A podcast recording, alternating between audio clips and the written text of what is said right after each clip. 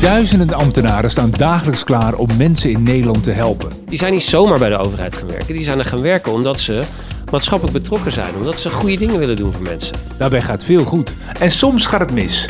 Om ook in de toekomst een overheid te blijven voor alle mensen, willen we de dienstverlening beter uitvoeren. Maar wat is er eigenlijk voor nodig om het allemaal te realiseren? Wat vraagt dat van jou als ambtenaar? Nou ja, don't try this alone.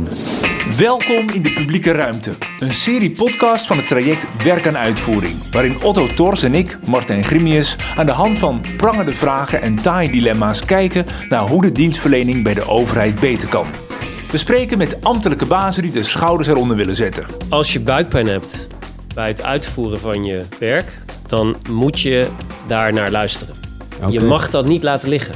En uitvoerders die zich geregeld moeten verhouden tot beleidsmakers en politiek. De discussie in het Haagse gaat heel sterk over, de, over de, eh, dat er vaak meer op de, op de eh, korte termijn wordt gereageerd dan op de lange termijn. Ook kijken we iedere aflevering waar het gelukt is om de dienstverlening beter te organiseren. Maar wat wij vooral merken is dat klanten echt heel erg blij zijn met die apps. Geven het een 8,6 op gebruiksgemak. En we horen Maaike Klip, die onderzoek deed naar de begripvolle ambtenaar.